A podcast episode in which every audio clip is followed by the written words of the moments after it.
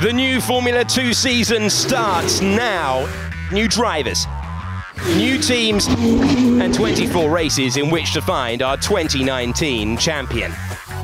And now in Sochi, a race that could decide the championship is underway with a good getaway for Nick de.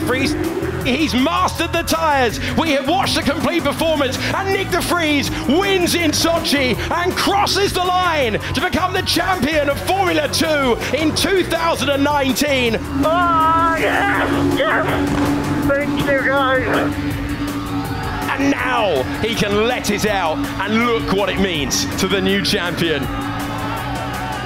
Yes, in deze interviewserie wordt afgedrapt dus met Nick de Vries. Nick, thanks dat je bent gast.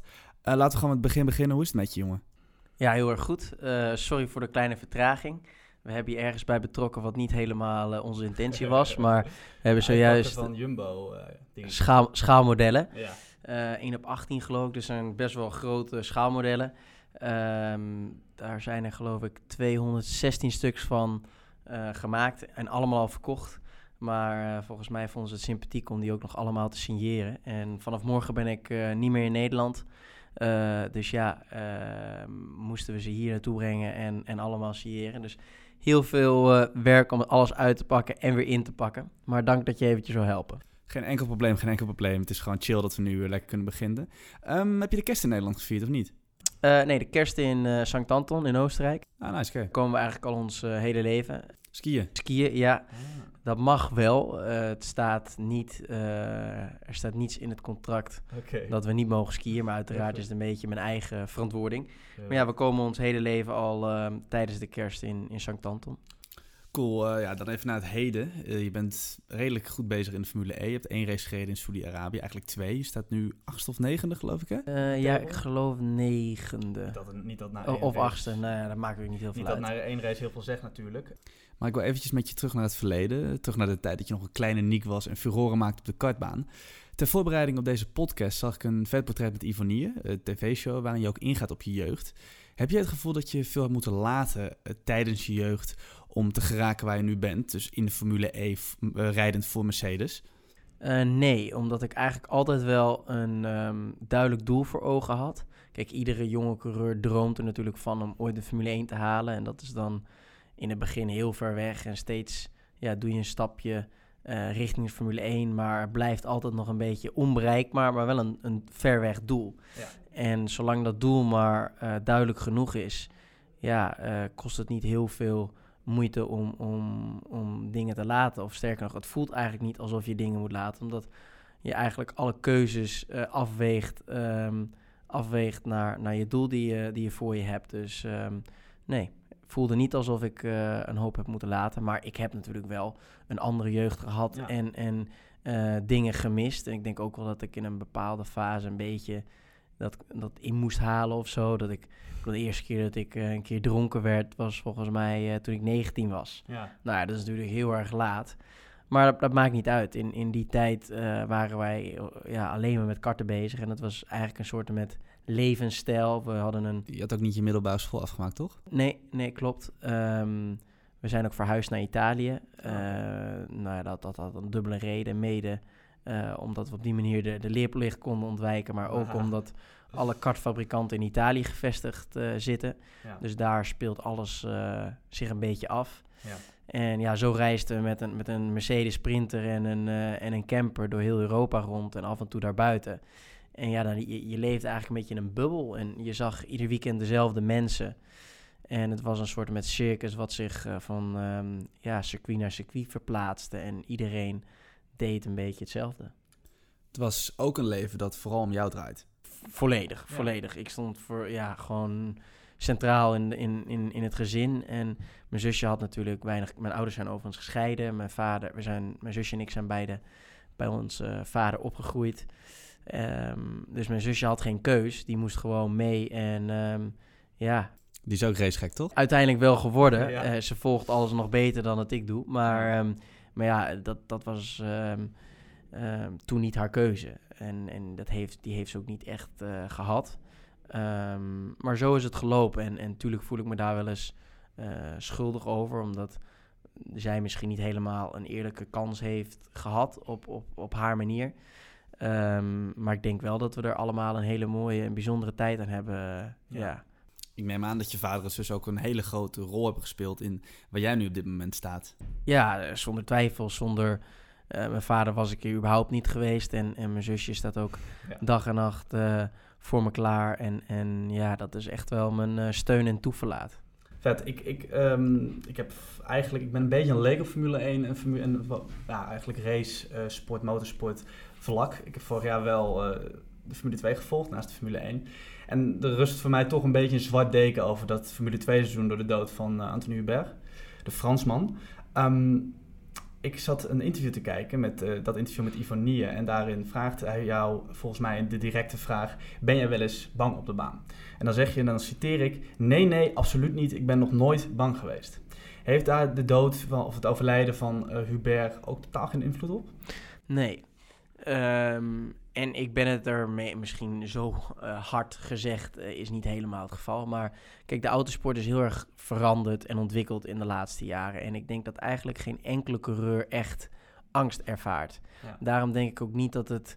eh, kijk, in het verleden ehm, keek men naar coureurs als gasten met een groot hart. die heel veel lef hadden en een beetje roekeloos waren. Maar ik denk dat de huidige generatie ehm, eh, dat gevoel niet meer ervaart. Ik bedoel, het is allemaal over het algemeen zo veilig. De, de auto's, de circuits, er gebeurt nagenoeg eh, niets meer. Ehm, en, en daarom denk ik dat het echt... ehm, ja, dus de huid- huidige generatie, eh, dat die dat minder of eigenlijk niet meer ervaren. Ervaren omdat, dat, omdat het allemaal zo, zo veilig is tegenwoordig. Vroeger eh, gingen ze letterlijk uit het hotel ehm, en dan stonden ze stil bij het feit dat het ja, hun laatste dag zou kunnen zijn. Of dat ze er morgen niet meer zouden zijn. Jullie zijn mietjes eigenlijk. Eh, nou ja, mietjes. eh, het, het is niet meer, eh, naar mijn gevoel, ehm, ehm, ja, vraagt het niet meer dezelfde, ehm, hoe, hoe noem je dat? Dezelfde, ehm, dezelfde eisen eigenlijk. Ja. Ik denk dat in de basis alle rijders eh, wel dezelfde benadering hebben, maar tegenwoordig is dat wel anders geworden. Maar ja, eh, helaas en tragisch genoeg is het dus dit jaar eh, nog wel een keer fout gegaan. En natuurlijk hoor je dat wel eens voorbij komen dat er in Amerika iemand overlijdt of eh nou ja, Jules Bianchi in de Formule 1, maar dan is het iedere keer toch iets verder weg en dan staat het nog een beetje op een afstand. Maar dit jaar kwam het natuurlijk wel extreem dichtbij. Ja. Nadat, ja, heel goed, vanaf jongs af aan. En, en als je dan in dezelfde race zit en, en dan iemand ja, dood verongelukt, dat is eigenlijk niet, niet te bevatten en niet te omschrijven. En zeker, eh, ja, zeker niet eh, bij een persoon als Antoine, want hij was gewoon een super eh, vriendelijke, intelligente, getalenteerde rijder. En, en zou echt geen rare dingen doen of zo. Alleen, ehm, ja, verkeerde plek, verkeerde tijd. En dan word je toch wel eraan herinnerd dat het toch wel gevaarlijk is wat we met z'n allen aan het doen zijn. Ja, ik ben natuurlijk geen coureur, maar het- ik kan me voorstellen dat, weet je, al die ra- races onder elkaar, iedereen strijdend voor dat ene plekje voorin. Ik kan me voorstellen dat je in een soort bubbel terecht kan komen, waarin je misschien de gevaren niet meer altijd overziet. Ja, maar daar sta je gewoon nooit bij stil. Nee, Kijk, we, houden allemaal, we, we, vinden, we, we, we- ja, we houden allemaal van de sport. We hebben enorm veel passie voor wat we doen. En, en we weten dat het gevaarlijk is, maar eigenlijk gebeurt er nooit meer iets. Alleen helaas ehm, ja, werden we er dit jaar toch aan herinnerd dat het een gevaarlijke sport blijft. Maar desalniettemin, eh hoe, hard het ook klinkt, gaat het leven eh, verder. We moeten hem uiteraard blijven herinneren als een, een kampioen. En ja, eh, super, super leuke, vriendelijke, intelligente jongen. Maar het- het gaat verder. En, en ehm, op de een of andere manier ja, vind je dan toch weer de moed bij elkaar om in te stappen. En niet alleen in te stappen, maar dat wanneer je helm op doet en je vizier dicht, dat eigenlijk je dat ook weer aan de kant zet. Tja, wat je zegt, bruggetjes eh, in dit soort gevallen zijn altijd pijnlijk. Maar we moeten weer door, we moeten naar het heden. Ehm, je rijdt nu voor Mercedes in de Formule I. Hoe bevalt het? Ehm, nou ja, ik heb, ik heb nu, eh, of we hebben nu net twee wedstrijden gehad. Dat, dat, dat was een, een doubleheader, dus volledig anders raceconcept. Kijk, Behalve dan de elektrische motor. Ex- exact, Ja, ja, ja. Maar los daarvan eh, is, is het hele concept echt heel erg anders dan alles wat we, of ik in ieder geval hier ehm, voorafgaand heb, eh, heb gedaan. Het is, ehm, Ja, waar, waar moet je beginnen? Het is, uh, de basis van het racen blijft hetzelfde. Zo, dus, dus hard of snel een rondje rijden uh, en het maximaal uit een auto halen blijft hetzelfde. Maar um, de auto's hebben geen aerodynamische downforce, dus nagenoeg geen grip. Het zijn um, straatbanden in plaats van slicks. Alle circuits zijn, zijn straatcircuits, dus alle wedstrijden worden verreden in steden. Wij komen naar de fans toe in plaats van um, de fans naar ons. Ze proberen verschillende manieren, op verschillende manieren interactie met fans te creëren, zoals um, een attack mode, een fan boost. Het wordt vergeleken met Mario Kart. Um, en, en er zijn natuurlijk een hele hoop fabrikanten bij betrokken, maar desalniettemin liggen de auto's wel heel dicht bij elkaar. Want uh, alle chassis zijn hetzelfde. En eigenlijk mogen de fabrikanten alleen de elektrische powertrain ontwikkelen. Dus ook de batterij is hetzelfde, maar het is puur die elektrische motor um, die, die de ene uh, met de andere fabrikant, ja, waar, waar, waar, ze zeg maar het verschil kunnen maken. En um, daarom is het zo spannend, omdat het zo dicht bij elkaar ligt en zo competitief is. Dus het is heel onvoorspelbaar. En um, in de race draait het allemaal om, om energy management. En ja, dat is een volledig uh, andere dynamiek uh, dan, dan, dan bandenmanager of, of iets anders. Um, dus um, al met al gewoon een heel interessant, innovatief kampioenschap. Uh, waarvan ik denk dat het, dat alleen maar blijft groeien. Het is nu, het zesde seizoen is net, net begonnen. Ja, en als je ziet hoeveel fabrikanten er nu in zitten en, en wat voor namen er aan meedoen, ja, dan, dan, dan denk ik dat we wel kunnen zeggen dat het naast Formule 1 echt de allergrootste autosportklasse is die er momenteel, uh, ja, die momenteel actief is. Ja, uh, je, je, noemt de Formule 1. Veel mensen hadden verwacht dat jij die stap zou maken, denk ik. Uh, daar hoeven we niet weer over te hebben, want dat heb je nu al honderd keer uitgelegd. Dat het, dat het geluk nou even niet aan je zijde was, dat er gewoon net geen stoeltje vrij was. Mag ik, ik wil je wel de vraag stellen, hoe groot denk je dat de rol talent is om als talentvolle coureur naar de Formule 1 te komen? uh, ten opzichte van de factor politiek en net de juiste mensen achter je hebben. Kan jij met, je kan eigenlijk niet in Formule 1 met alleen talent doorbeuken, toch? Nee, nee, dat, dat, dat ben ik met je eens. Maar uh, kijk, in het verleden, uh, toevallig had ik vanochtend een interview met Jan Lammers en die zei, ja, vroeger, vroeger um, deden er bijvoorbeeld 34 auto's mee aan een Formule 1 Grand Prix en dan moest je je kwalificeren. Ja. Maar vroeger kon je met een beetje geld gewoon een team beginnen of een auto uh, of, of, een plekje in een team inkopen. Um, na de overstap van uh, Max Verstappen naar de Formule 1 uh, eh, hebben ze natuurlijk die, die superlicentie ingevoerd. Om te voorkomen dat je gewoon ja, alle stappen kunt overslaan en, en gewoon een stoeltje inkopen in de Formule 1. Want anders dan ja, is dat hele systeem gewoon um, niet meer noodzakelijk. Um, alleen je hebt wel wat meer nodig dan, dan alleen talent. Je moet natuurlijk van jongs af aan ondersteund worden, want het is een kostbare carrière. Dus je, je, je moet of sponsoren of een uh, Formule 1 team, een management of ja, uit een rijk gezin komen om dat te kunnen bekostigen. Ja. En, en uiteindelijk uh, zou je je nog kunnen inkopen in de Formule 1. Maar goed, je, zeker nu, nu dat ze die superlicentiepunten hebben ingevoerd, moet je echt wel een beetje skills hebben om jezelf in te kunnen kopen in de Formule 1. Dus ik vind het niet helemaal terecht dat bijvoorbeeld een Lance Stroll of, of nou ja, een Latifi, die, die heeft misschien Formule 2 niet gewonnen. Maar ik vind dat ook die gasten hun kans verdienen. Kijk, um, misschien zijn ze een klein beetje bevoorrecht door hun achtergrond. Maar dat neemt niet weg dat ze echt wel wat hebben gepresteerd voordat ze die kans hebben gekregen. En in het verleden was natuurlijk, kon letterlijk iedereen gewoon een stoeltje kopen als ze die middelen hadden. Hm. Um, maar dat is natuurlijk wel uh, in tegenstelling tot de Formule E, want dat zijn allemaal fabrikanten. En daar is nog niet eens één um, ja, betaald stoeltje verkrijgbaar. Want het zijn allemaal uh, ja, professionele um, fabrikanten die erachter zitten. En daar liggen de budgetten nog iets lager. Dus die accepteren niet rijders die zeg maar budget uh, meenemen, want zij betalen en bepalen. Ja. Dus tuurlijk heb je talent nodig. Maar daarbij ja, heb je ook gewoon een beetje timing, geluk, de juiste mensen achter je. Ik denk wel degelijk dat, kijk, als je naar de huidige Formule 1 grid kijkt, dan ben ik ongeveer met 70% opgegroeid. Ja. En al die jongens, zoals uh, Gasly, Ocon, um, Kvyat, Max, eh, Leclerc.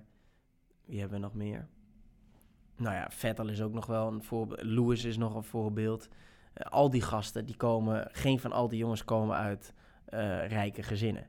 Die zijn er op eigen ehm, kracht gekomen.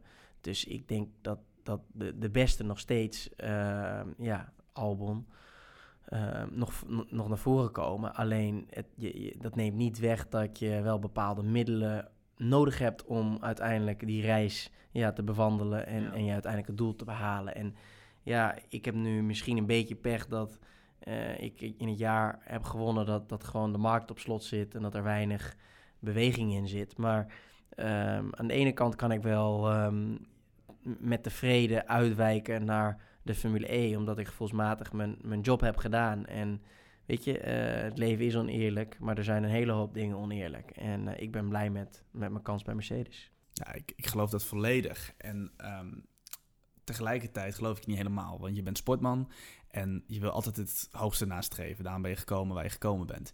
In een interview met het NRC zeg je, uh, met een Engels medium bedoel ik, Formula One for me is not currently realistic. Is dat nou werkelijk zo? Ja. Kijk, gedurende, gedurende afgelopen seizoen. Maar niet, jij bent een sportman. Nee, maar ik ben wel heel realistisch. En um, ik voelde natuurlijk wel dat gewoon dat er weinig beweging in de markt zat. En, en dat daardoor er weinig mogelijkheden waren. En als er dan alleen een plek bij Williams uh, is waar... Ja, beter niet doen. Nou ja, ja waar... Nou ja, nee, ik, uiteindelijk het, het is de Formule 1. Maar goed, dan, dan ja. Ben je dus in, in, in competitie met een Latifi die ja, eigenlijk een uh, oneindig diepe zak heeft. Ja. ja, dan weet je dat dat een verloren wedstrijd is. Ja. En uh, dat is ook niet helemaal de manier waarop ik mijn ja, carrière wil, wil voortzetten. En daarom ben ik heel erg blij met een professioneel stoeltje uh, bij Mercedes. Alleen de reden dat ik dat heb gezegd was puur omdat ik ja, voelde dat er te weinig verschuivingen waren binnen de Formule E. Ja. Wat dus geen mogelijkheden creëerde. En vorig jaar was het precies het tegenovergestelde. Want toen waren er heel veel verplaatsingen. Ja goed, vorig jaar is de formule, voltallige Formule E top 3 naar de Formule 1 gegaan. En dit jaar dus niemand, terwijl jij kampioen bent. Dat is pech hè? Ja, maar ik heb er niet hard feelings bij. Omdat, nee. Ik, nee, omdat uh, ik mijn job heb gedaan en uiteindelijk uh, elders een, een mooi plekje heb weten te bemachtigen. Ja, ik wil het eigenlijk niet echt over de Formule 1 gaan hebben, maar ja, ik kan het niet, uh, ik kan het niet laten. Uh, ik kreeg zo net een pushbericht binnen dat Verstappen bij heeft getekend tot 2023 bij Red Bull. Nou, als ik zo om me heen mijn oren een beetje te luisteren legde, dan was de verwachting bij sommigen dat hij misschien de stap zou maken in de aankomende jaren naar Mercedes of, uh, of uh, Ferrari. Ben je vast dat hij blijft? Nee, totaal niet. Ik zie dat ook niet uh, 1, 2, 3 gebeuren. Kijk, Ferrari heeft Leclerc. En ik vind Leclerc echt fenomenaal. Um, die heeft zich overal bewezen. En afgelopen seizoen was zijn tweede jaar Formule 1. Meteen bij een, een team als Ferrari. Nou, dat brengt wel de nodige druk met zich mee. Hij heeft de meeste pols gepakt, wat pech gehad en wat fouten gemaakt. Maar heeft gewoon een heel goed seizoen gedraaid. En Vettel meteen verslagen. Wat ik overigens al had voorspeld. En uh, Mercedes die heeft Lewis. Uh, en zij hebben George Russell klaarstaan. En ondanks dat hij nu niet opvalt omdat hij bij Williams zit, ben ik ervan overtuigd dat George ook het kaliber heeft van um, Max en Charles. Dus uh, beide fabrikanten of teams die hebben eigenlijk hun, hun rijders al op. En ja, ik zie niet 1, 2, 3 een reden waarom zij uh, Max zouden moeten binnenhalen. Misschien Mercedes, als ze niet helemaal overtuigd zijn van, van George en kunnen. Maar um, Ferrari zeker niet. Ja, en Red Bull is nu eindelijk een beetje competitief aan het worden, toch? Zeker weten. Uiteindelijk was het, is het allemaal suggereren. Wat wij in de winter doen en wat alle media schrijft, ja. dat is gewoon allemaal suggereren. En uiteindelijk weet niemand het. Als je nu zelf de Formule 1 kijkt, ben je stiekem voor Mercedes? Of ben je voor Mercedes? Oh ja, 100%. Ja, ja, heel goed. ja daar, daar kom ik niet omheen. Nee, dat uh, snap ik. Ja, ik zag net wel ook in het artikel uh, van Max dat, uh, dat hij heeft afgedwongen in zijn contract, in zijn nieuwe contract, dat wanneer Honda niet um, Red Bull competitiever maakt, dus richting Mercedes en Ferrari stuurt, dat hij alsnog weg mag. Wat zegt dat jou over, over Max zijn huidige status binnen de Formule 1? Is hij dominant? Nou ja, Max dominant. Kijk, hij, hij, hij is derde geworden in het kampioenschap. Ja. Maar uh, ik vind niet dat je van dominantie mag spreken als je niet wint. Nee, uh, Lewis en Mercedes zijn de afgelopen zes jaar eh, dominant geweest. Of in ieder geval Mercedes. Ehm, en, en Lewis eh, is natuurlijk ja, op papier de beste. Eh, ik begrijp wel dat wij daar anders over denken. Eh, maar dat is een beetje autosport. Kijk, eh, wie, wie is de beste? Is Charles de beste? Is Max de beste? Is Lewis de beste? Eh, dat, dat weet je niet, omdat iedereen in andere, in andere auto's zit. En, en uiteindelijk dat wel doorslaggevend is. En ik ben ervan overtuigd dat Max eh, wereldkampioen waardig is. Ehm, maar ja, nu, nu wint Lewis nog. Eh, hopelijk gaat dat eh, op korte termijn ja, veranderen. Maar Max is afhankelijk van zijn materiaal. En ik begrijp dat hem dat teleurstelt. Maar er zijn los van Max of buiten Max om nog vi- of wat zeg ik, eh, 16 of 14 andere, rijd 14 andere rijders die heel graag in een Red Bull, Ferrari of Mercedes hadden willen zitten. Dus ja, dat is ook autosport. En iedereen eh, ja, eh, die in de Formule 1 zit, eh, kan wedstrijden winnen in een Mercedes. Ja, grappig dat je dat zegt, want in een eindejaarsinterview bij Ziggo zegt Max dat eigenlijk ook. Hij zegt materiaal van Mercedes in de Formule 1 dusdanig oppermachtig acht dat er eigenlijk het hele veld ehm, kampioen zou worden in de Mercedes op zes namen na. Nou, die naam wilde hij natuurlijk niet noemen, want eigenlijk zegt hij daarmee, uh, die kunnen er voor de rest niet, zoveel, uh, niet zo heel veel van. Ben je het hiermee eens of, of niet? Um, om heel eerlijk te zijn heb ik het hele rijtje niet goed genoeg uh, in mijn hoofd. Um, maar ik denk dat je bijna kunt zeggen dat, dat iedereen podiums en, en overwinningen kan pakken in een Mercedes. Maar we hoeven Lewis prestaties en die van Bottas trouwens ook, ook niet te denigeren. Want nee. uiteindelijk zit het wel heel dicht bij elkaar. Ferrari had ook veel hoger en meer punten kunnen scoren als ze niet zoveel fouten hadden gemaakt. Maar ik denk dat Max een hele solide job heeft gedaan afgelopen jaar. Ja, dat denk ik zeker ook. En ja, het is eigenlijk een gemiste kans dit, want ik had je nog langer aan de tand mogen voelen. Um, alleen ik moet echt ontzettend weg. Ik wil je bedanken voor dit toffe interview wat mij betreft. je bent een van de eerste die op mijn podcastkanaal in interviewvorm aan bod gaat komen. En ik wil daarbij ook de luisteraars graag bedanken.